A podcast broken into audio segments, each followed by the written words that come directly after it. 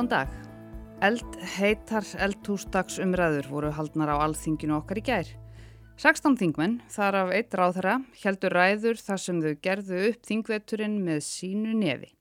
Þau töluði ímist í 8 eða 5 minútur, misjamt eftir því hvar þau fengu að koma stað í dagskráni.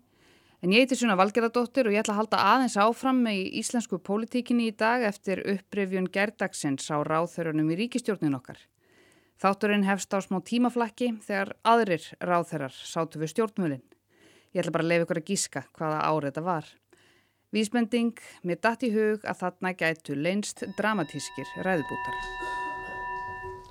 Gengið þetta danskrar og fyrirtekið eina danskrarmálið, almennar stjórnmálaumræður sem verður útvarpa á sjómarpað hér núna. Virðulegi forseti, góður Íslendingar. Umræðurna skiptast í þrjár umferðir. Þessi síðustu dagar hér á Alþingi hafa verið dapulegir.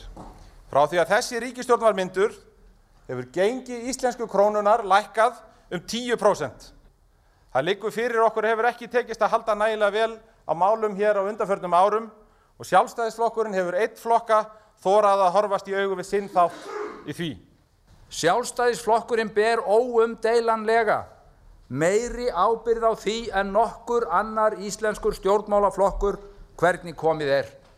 Hátt í átján ára valdatíma sjálfstæðisflokksins lauk í rústum banka og efnahagshruns og samfélagið var á barmi upplausnar. Þjóðin vill nýtt upphaf, nýjan grundvöld stjórnskipunar, þau gildi kvíla á undurstöðum félagshygjunar þar sem atvinnulífi nýtur frjálsræðis og skýrar leikreglur eru virtar, þar sem spillingin er kveði niður, þar sem reist hins vinnandi manns og virðing þeirra sem minnst mega sín helst í hendur við gott gengi atvinnulífs í opnum og stækkandi heimi. Jú, rétt þetta voru bútar úr eldhúsdags umræðunum 2009 fyrir 14 árum síðan.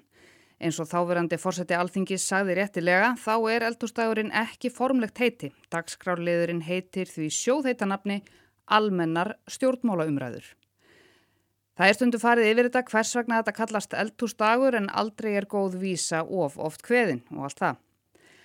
Á rúf.is er að finna mjög fína samantækt Aleksanders Kristjánssonar og yngunar Láru Kristjánsdóttur, þau eru ekki sískinni, á gerðkvöldunum og ég ætla meðal annars að steyðast við það í þessum þætti. En á Vísindavef Háskóla Íslands er spurt. Standa þingmenn í eldamennsku þegar eldhúsdags umræður fara fram? Haha. Guðrún Kvaran, profesor, svarar. Orðið eldhúsdagur hefur fleiri en eina merkingu. Það getur í fyrsta lagi mert annadagur í eldhúsi og er þá átt við að mikið sé um að vera. Til dæmis í sláturtíðinni þegar unnið er við að sauma vampir, breytja mör og svo framvegis. Í öðru lagi var áður fyrr talað um að halda sér eldhúsdag, um að gera sér gladan dag. Til dæmis þegar sögð var slátrað og menn fengu nýtt kjött til tilbreytingar en súnótkun heyrist mjög sjaldan núna. Í þriðja lægi var talað um að taka sér eða gera sér eldhúsdag og var sá dagur þá nýttur til þess að gera reynd í eldhúsinu en einnig annar staðar í vistarverum, ganga frá ímsu sem dreyist hafði að koma fyrir.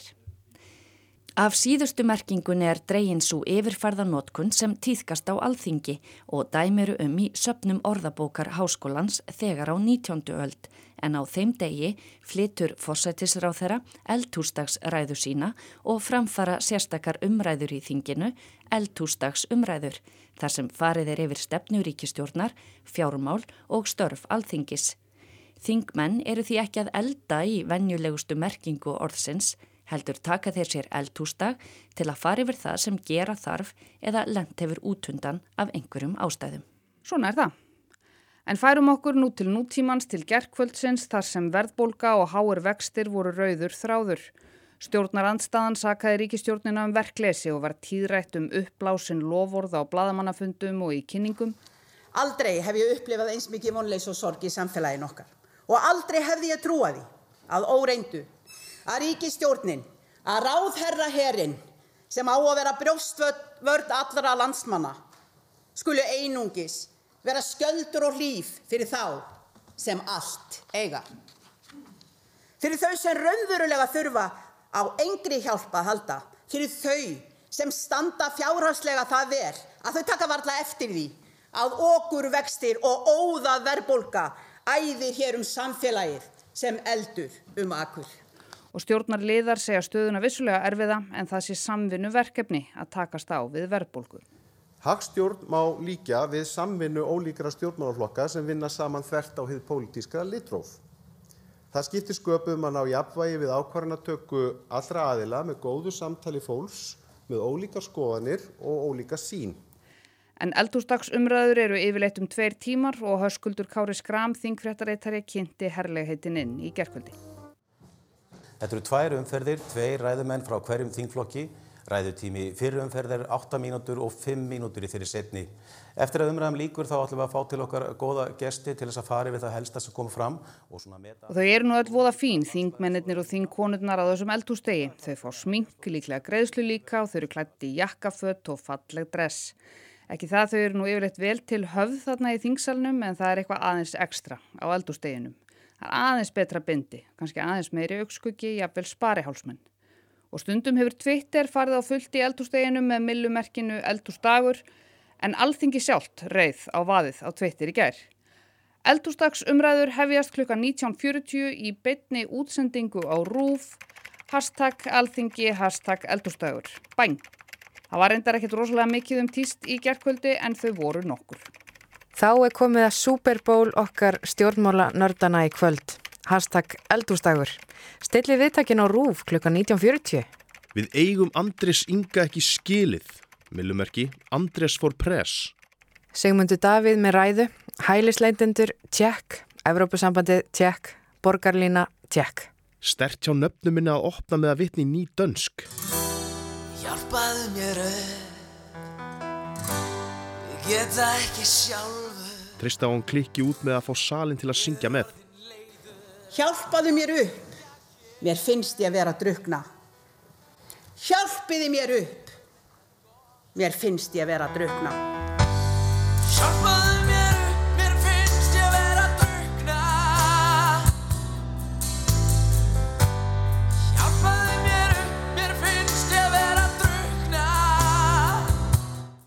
Ok, ég veit að Kristrún er gift og allt það, en ég er samt fyrir eitthvað mikið skotin í henni. 15% af mannfjöldanum eru erlendi ríkisborgarar. Það ætti að gera nýju þingmenn ef þingi myndi endurspegla samfélagið. Áslög með flottan ingang í næsta þátt af í ljósi sögunar. Vera má fara að passa sig.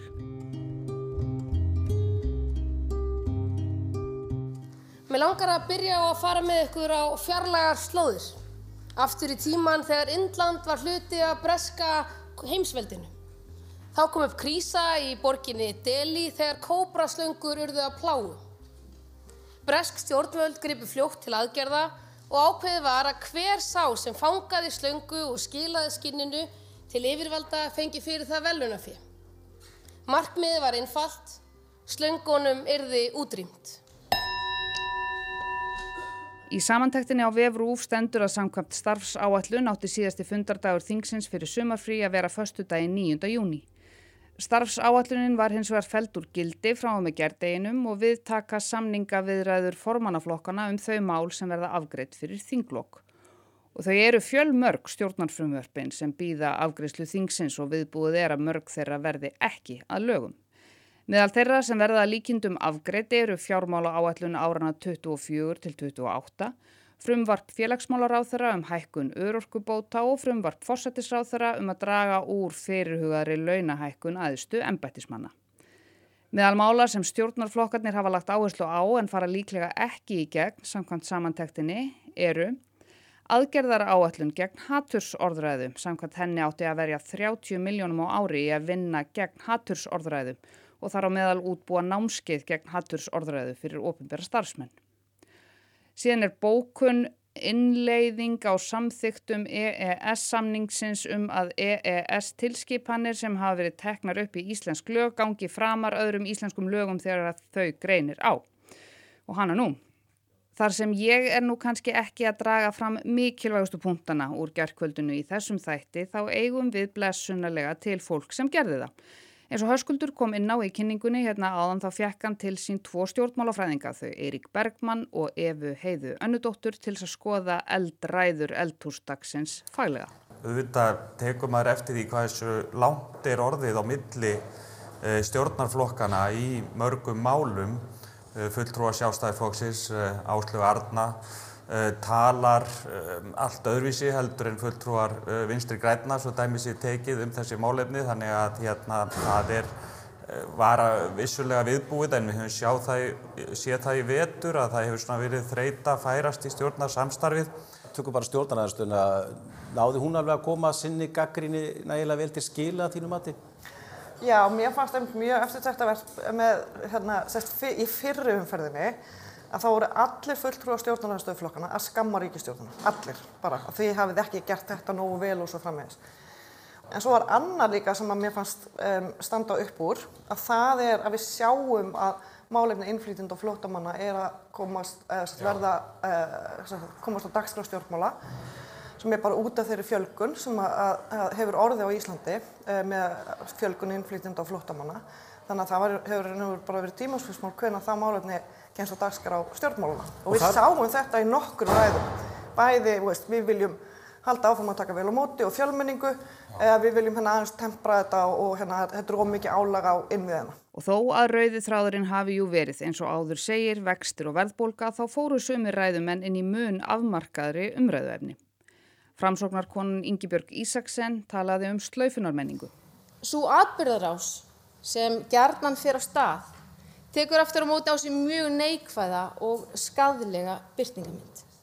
Þannig getur einstaklingur sem sagðar er um ofbeld á netinu orðið fyrir því að missa atvinnu, mannorð og álit samfélagsins, allt jafnvel án ákæru, án dóms og án laga. Afleðingarnar geta verið fjárhagslegar og félagslegar en þó aðalega andlegar. Því dómstól gödunar hefur mikil völd. Þetta virtist vera svona ræða bara um þetta en það kom í raun og ekki fram hvað ætti að gera, hver var í stefna fram svona flokksins í þessu en vissulega mjög mikilvægt umræðefni. Sigmundur Davíð Gunnlaugsson, miðflokksmaður, talaði um martreyndar en hann lagði mikla áherslu á útlendingamálin. 20 sinnum meiri aðsókn í að koma til Ísland sem hælisleitandi en til Danmörkur, hlutastlega. Og þessu ári verða líklega fleiri einstaklingar sem að koma hingað heldur en til Danmörkur. Viðbröðin eru engin, hvað sem líður stöku áhyggjuröttum innan stjórnarleysins, önnur en þau að íta frekar undir þetta og jú, bregðast við með því að leifa notkun yðnaðarhúsnæðis og skrifstofuhúsnæðis undir flottamenn, hælisleitundur. Og Sigmar Guðmundsson, hann elskar ekki krónuna enda viðreistnarmadur. Það er alltaf verið að halda því að okkur að það sé hægt að halda stöðuleika hér með íslenskri krónu samt hefur engri ríkistjórn tekist það. Hvers vegna ekki? Það er vegna þess að það er skekkja. Skekkja sem að við viljum einhverju hluta vegna ekki leiðrétta. Og umfram allt, þá þurfa heimilin í landinu að eiga róandi töflur þegar líður að vaksta ákvöruna degi Sælabankans og við þurfum helst að kunna aðrileysi bænina til þess að geta farið með út í búð og þegar við tökum bensín á bílinn. Velkomin til Íslands, þetta er krónahagkerfið. Þið, kæru landsmenn, borgið reikningin. Þið gerir það alltaf. Svona var eldhúsdagur gerkvöldsins eða einhverjir ángar af honum og svona var hann 2009. Það er engin leið tilbaka.